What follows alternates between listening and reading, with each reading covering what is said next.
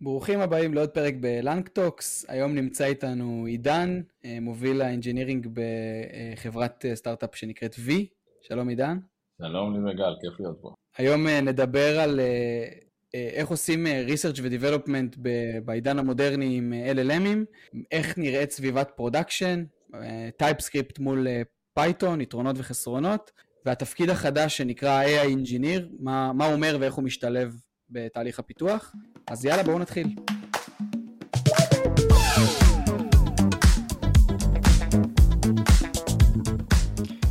טוב, אז שלום עידן, אה, אתה רוצה להציג את עצמך בכמה מילים? כן, בטח, כיף להיות פה דבר ראשון. אה, אני עידן, היום אני ה-VP Engineering של, אה, של V, לפני זה, לפני זה הייתי בזוז, ב-PayU, SRE, Backend Engineer, זה מה שאני עושה, שתי מילים על V, כי זה מאוד מעניין ורלוונטי לשיחה שלנו. אה, אז V זו חברה שעברה פיבוט בחצי שנה האחרונה, אה, ובעצם היום אנחנו בונים מוצר אה, לעמותות, שאמור בעזרת Gen AI ו-AI בכלל, להחליף את כל ה-back office שיש להם, ובעצם לעזור להם להגדיל את, ה- את האימפקט ולהתרכז באימפקט שהם רוצים לעשות, ופחות בבירוקרטיה וב-back office. מעולה, אז כיף לארח אותך עידן. הנושא שאנחנו רוצים לדבר עליו היום בפרק זה על, על ההבדלים או היתרונות והחסרונות של TypeScript מול Python, בעיקר כשמדברים על אפליקציות LLM ל-production. אז בואו נעשה איזה הקדמה, אז בגדול כל ה... יש שינוי היום באיך בכלל בונים אפליקציות. אם עד, עד לפני כמה שנים הייתה הפרדה מאוד ברורה בין ה-research לבין ה-development. היה את החבר'ה ב-research, צוותי data science שעובדים עם דאטה מסוים, ויש להם data engineers שדואגים לדאטה הזה, והם יושבים ובמשך חודשים אה, מנסים לבנות, אה, לאמן איזשהו מודל שמבצע משימה מאוד מאוד ספציפית, ובסוף גם אה, מחצינים את המודל הזה נגיד עם איזשהו API, ויש את החבר'ה ב-development שהם אה, מבחינתם אה, הכל שקוף להם, יש להם איזשהו API ומה ש, שיש זה מה שיש ואני משתמש בו והכל טוב. ופתאום uh, הגיע אלינו LLMים ו-Generative AI בכלל, והתחיל להיווצר איזשהו ערבוב כזה בין ה... בין ה-research לבין ה-development. פתאום מפתחי backend משתמשים ב-APIים של אה, OpenAI אה, או, או providers אחרים, וזה מעבר לשימוש הנקודתי ב-API של ה-LLM, יש עוד הרבה עבודה מסביב, מאיך אה, איך בוחרים embeddings נכון, ואיך מאנדקסים את הדאטה, ועוד המון שיקולים שהם היו פעם בצד של הדאטה סיינס. נכון שבחצי שנה האחרונה, כל הסיפור הזה של LLMs ו-API והכל התפוצץ, אבל כאילו גם אם ניקח את זה רגע חצי שנה, שנה, שנתיים, שלוש אחורה, אנחנו יכולים לראות שה-Cloud Providers הגדולים כבר סיפקו API'ים אה, אה, להפעיל מודלים ולהשתמש בכל מיני מודלים מסוגים שונים. אה, פשוט הפיצוץ הזה שקרה עם OpenAI ו-LLMs האיץ את, את המעבר הזה ואת, ואת השינוי.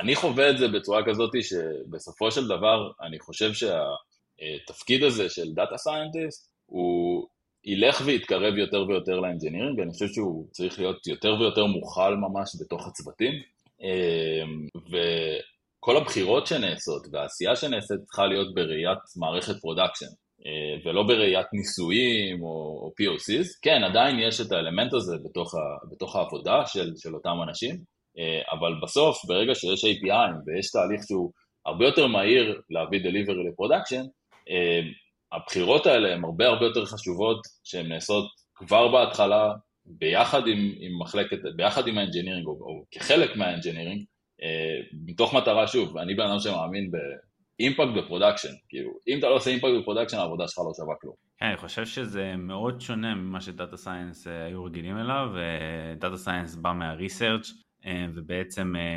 אה, קבועי זמן של שלושה חודשים עד שבאמת המודל שלך פוגש production היה לגיטימי לגמרי. ואני חושב שמה שהשתנה פה זה לא העניין של uh, האם אנחנו משתמשים ב-OpenAI או האם אנחנו משתמשים, אלא ביכולות של large language model בזירו שוט. פתאום המודלים האלה יכולים לעשות משהו שלקח ל-NLP researcher לפתח שלושה חודשים. פתאום זה עובד, זה עובד עד כדי, לא יודע, קירוב של מה שהוא היה משיג, אבל לפעמים זה גם עובד יותר טוב, כן? כי כי קשה להשיג דאטה, כי קשה לאמן מודלים, אז לפעמים המודלים האלה פשוט עובדים יותר טוב out of the box, ואז פתאום אנחנו בונים אפליקציות שמבוססות על הדברים האלה וה-LLM הופך להיות המרכז של האפליקציות האלה ואז נשאלת השאלה מה קורה מבחינת הצוותים, איך אנחנו בונים צוות ש, שיודע לתפקד כמו שצריך בשינוי הזה שקורה היום. רק שוב כדי, אני נורא מסכים עם הנושא הזה, לנו בתור חברת סטארט-אפ אה, קטנה, להתחיל עם, עם AI שאין לך המון דאטה בתור התחלה, בתור נקודת פתיחה, אה, הג'ן AI כאילו עשה מהפכה בסופו של דבר, אתה, אתה יכול להתחיל כמעט בלי כלום ואתה מקבל תוצאות יפות. אה, שוב, עד כדי. היום אנחנו עסוקים בלתחכם את זה ולהפוך את זה להרבה יותר מתוחכם והרבה יותר אה, אה, מורכב כדי להעלות את הקוולטי משמעותית. בהקשר השאלה של איך הצוותים האלה נראים, אני תופס את זה כמו עוד אה, התמחות של, אה, של מהנדסים. אה, בסופו של דבר היום כשאנחנו מסתכלים על, על, על סקוודים או על צוותי מוצר, אז יש להם את ה-Backend Engineer שלהם או את ה-Frontend Engineer שלהם וכולנו יודעים שבאמת המונח הזה full stack הוא לא באמת אמיתי כי לכל מהנדס יש את, ה, את הנטייה או את הדבר שהוא יותר חזק בו אה, כנ"ל עם עולמות ה-DevOps וה-AppSec ובעצם כל דבר ש, שתומך אה, ו-GNAI, AI, ML, הדברים האלה בעצם משתלבים ונכנסים פנימה. הצוותים היום שבונים מוצרים כאלה צריכים מישהו בתוך הצוות שזאת החוזקה שלו, הוא מסוגל לכתוב קוד backend, אבל זאת החוזקה שלו. כן, זה באמת עולה שאלה שאם אני יכול לבנות את המודלים שהיה לוקח לי פעם חודשים ואנשים יהודיים, ואני יכול לעשות אותם ב-prompt שלוקח לי עשר דקות לכתוב, האם בכלל צריך אנשי data science? אני חושב ש...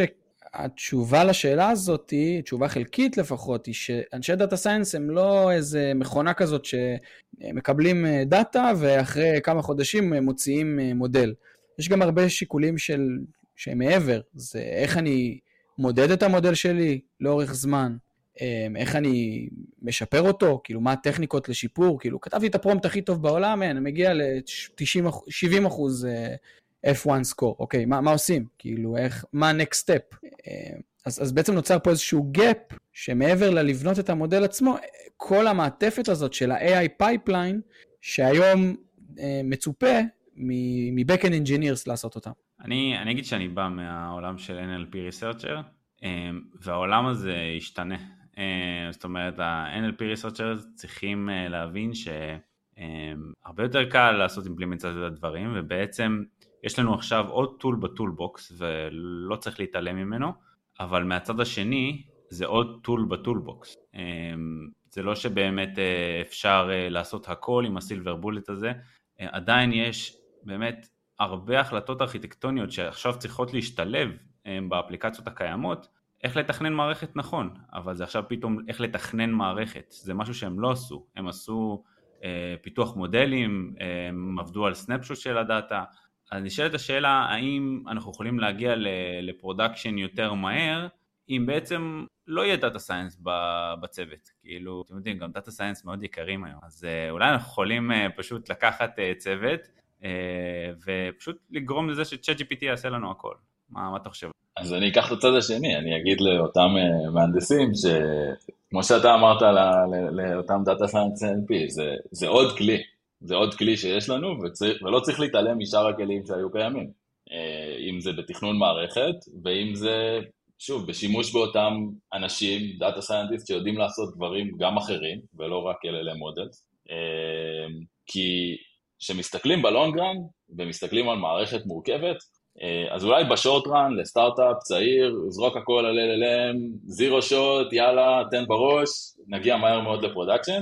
אה, מהר מאוד נגלה שזה עולה לנו הרבה כסף, ו, אה, ואנחנו צריכים לאפטם את זה, וגם מהר מאוד נגלה שיש בעיות אחרות שהרבה יותר קל לפתור עם conventional AI.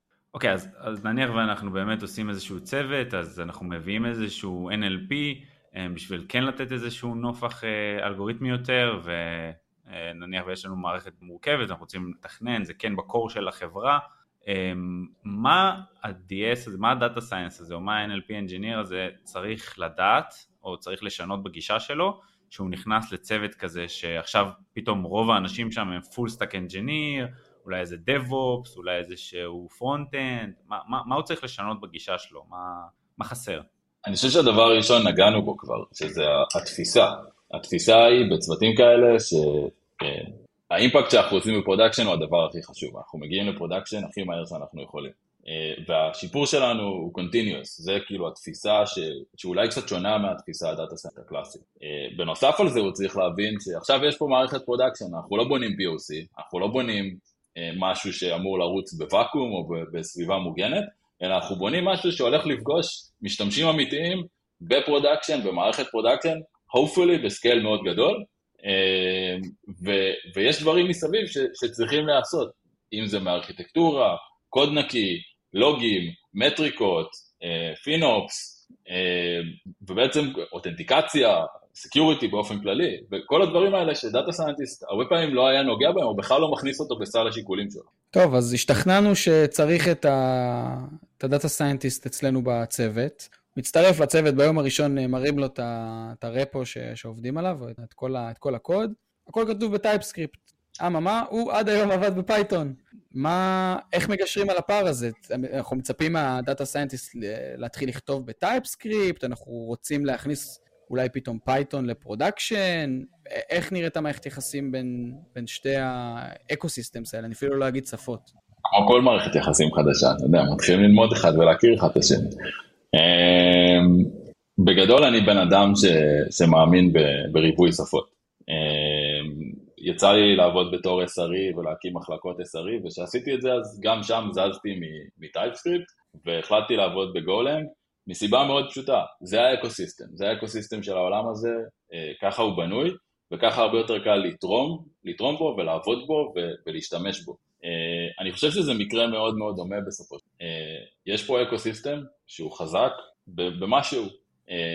אני של Node.js, TypeScript, אני חושב שזה, שזה עולם, שזה ecosystem מאוד production ready, מאוד שם מבחינת הסט כלים והחבילות שיש לך כבר מוכנות, ו, ו, ומהר מאוד אתה מרים דברים שיכולים אה, אה, לעבוד ב scale גבוה ולהיות production ready, ושלא נדבר על כמות הטוטוריאלים ש, שאתה יכול לראות באינטרנט וללמוד מהם.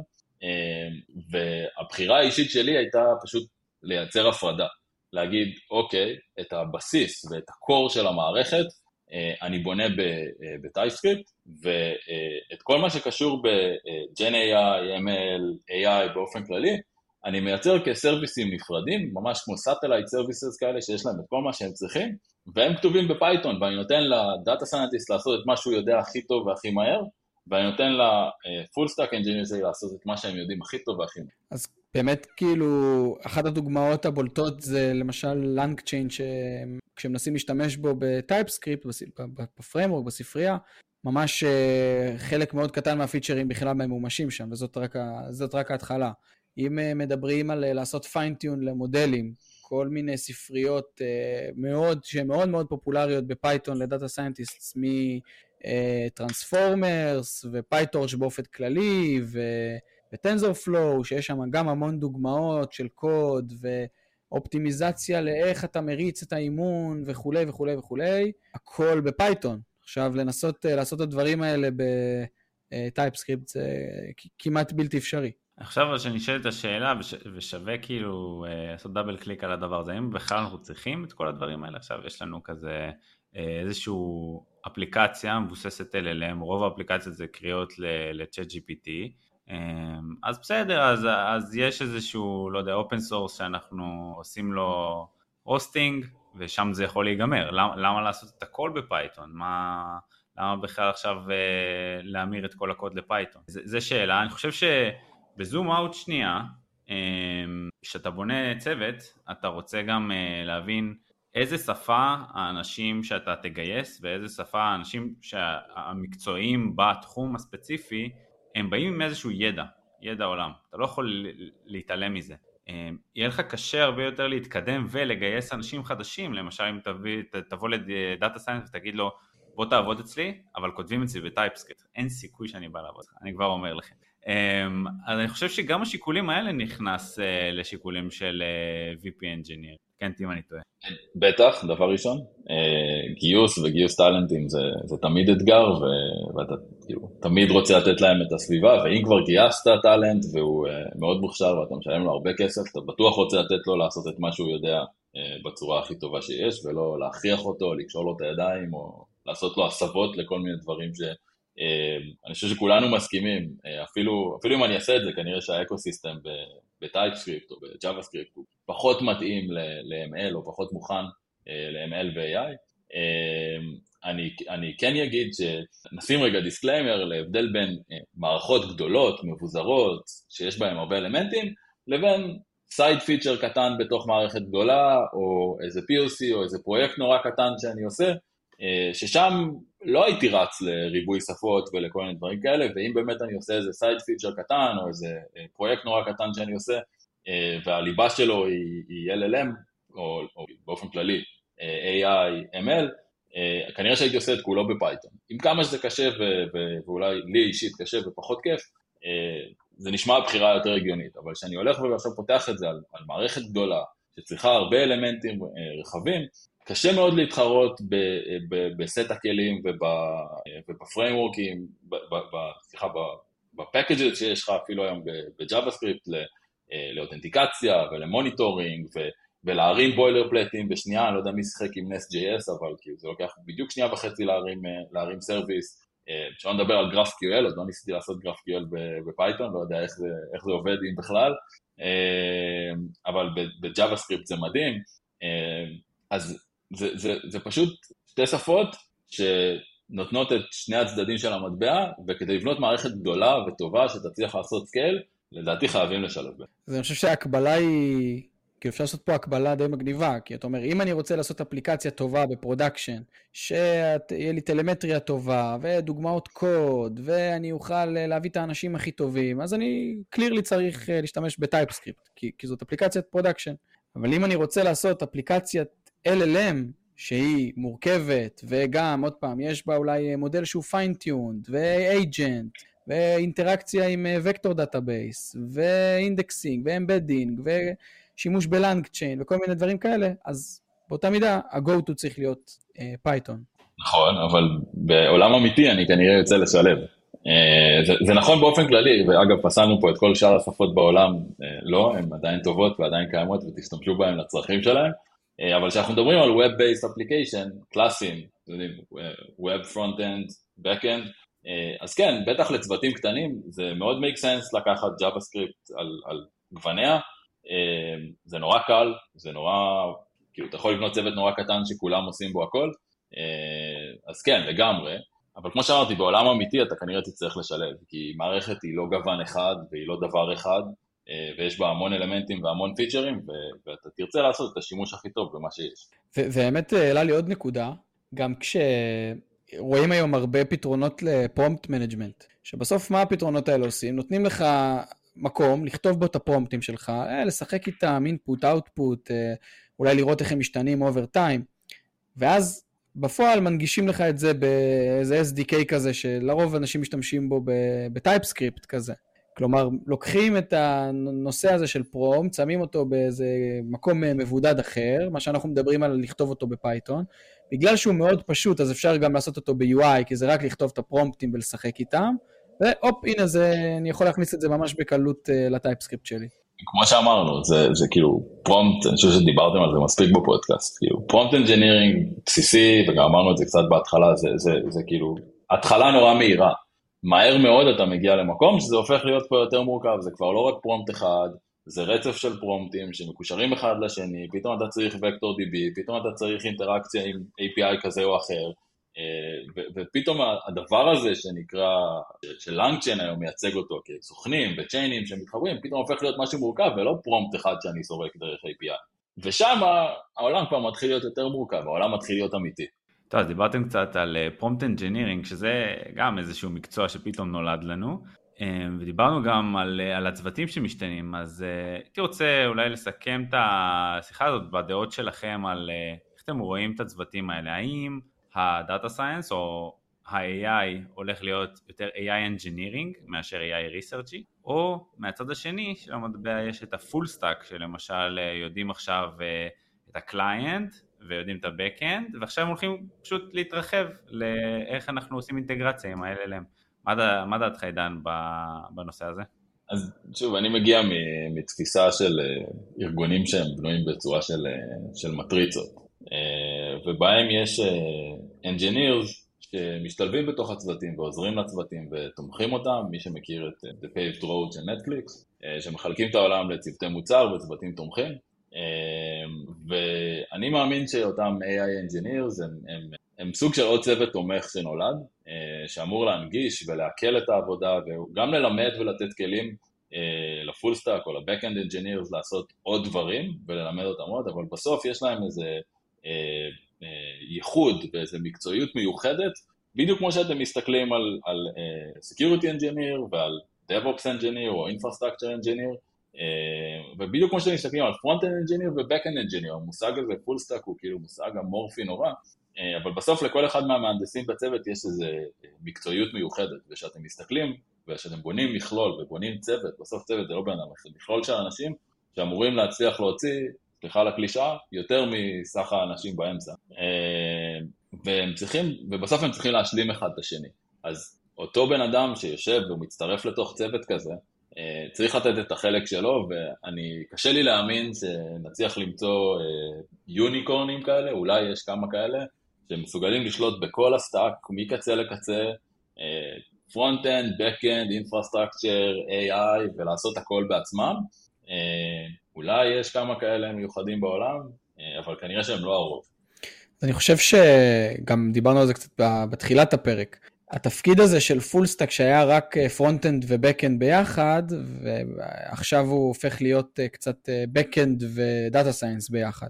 בעיניי הפרופיל של AI Engineer זה מישהו שמגיע מרקע מאוד חזק של Data Science, אבל יודע לעבוד בצוות Backend, וזה מה שנותן לו את, הייחודיות לעומת Data Science קלאסי שעובד בוואקום לצורך העניין. כן, אני, אני גם חושב שבעצם אה, רוב הסיכויים שבאמת אנחנו נראה את ה shift שהולך מ-AI ל-AI Engineer מאשר מ full stack ל data science. אנחנו דרך אגב כבר עכשיו רואים אנש, בעצם data science או research ים שהבעיות שהם פותרים הם פתאום הופכים להיות הרבה יותר engineering יות, כאילו הם צריכים שהמודלים שה open source model ירוצו ב scale ושהוקטור DB, אנחנו, יש לנו מודל embedding, אנחנו צריכים שהוא יהיה מהיר כי פתאום הוא עכשיו מתחבר לנו ל production. אז אנחנו צריכים קוונטיזציה ואנחנו צריכים uh, כל מיני דברים שהם מאוד מאוד low level ומאוד מאוד engineering ולאו דווקא קשורים ל research ולדברים האלה. uh, אבל עדיין אנחנו צריכים את הבן אדם שיודע לקרוא את המאמר, יודע לקרוא מאמרים, יודע להביא את ה-state of the art ש- שיש בעולם הריסרצ' כמה שיותר מהר לאפליקציה. אני חושב ששוב, כשמסתכלים על זה אחורה, אז אפשר להגיד שאותם uh, מהנדסי תשתיות, Infrastructure Engineers, עברו את אותה טרנספורמציה עם uh, המצאת ה-DevOps. כמה אנשים היום באמת צריכים מהנדסים שעושים היום ברזלים ומחברים שרתים בחדר השרתים שלהם? כנראה שמעט מאוד, יש עוד כמה חברות. אה, ואותם אנשים בעצם היו צריכים לעשות טרנספורמציה וללמוד מה זה Cloud, וללמוד מה זה pipeline ים ו deployment ים וכו' וכו'. כנ"ל אגב אותם Backend Engineers שפתאום היו צריכים ללמוד מה זה pipeline ואיך עושים deployment ל production כחלק מהתרבות. אולי נולדת, נולדת פה סוג של תרבות חדשה, זה היה DevOps, DevSecOps, DevAIOps, לא יודע, אולי. טוב, אז דיברנו היום על uh, איך הולך להיראות העולם הזה של פיתוח אפליקציות מבוססות LLM מבחינת הצוותים שלו, מבחינת האנשי מקצוע שיהיו בו, האם ה data science הולך להשתנות, איזה stack טכנולוגיה אתם רוצים לאמץ כשאתם בונים אה, LLM applications, ואיך אה, המקצועות הולכים אה, בעצם לעשות איזשהו merge אחד עם השני, האם ה-AI הולך להתקרב, או האם ה full stack הולך, האם זה הולך להיות איזושהי חיה אחרת. תודה רבה עידן, היה מאוד מעניין. היה כיף להיות פה. ונתראה בפרק הבא.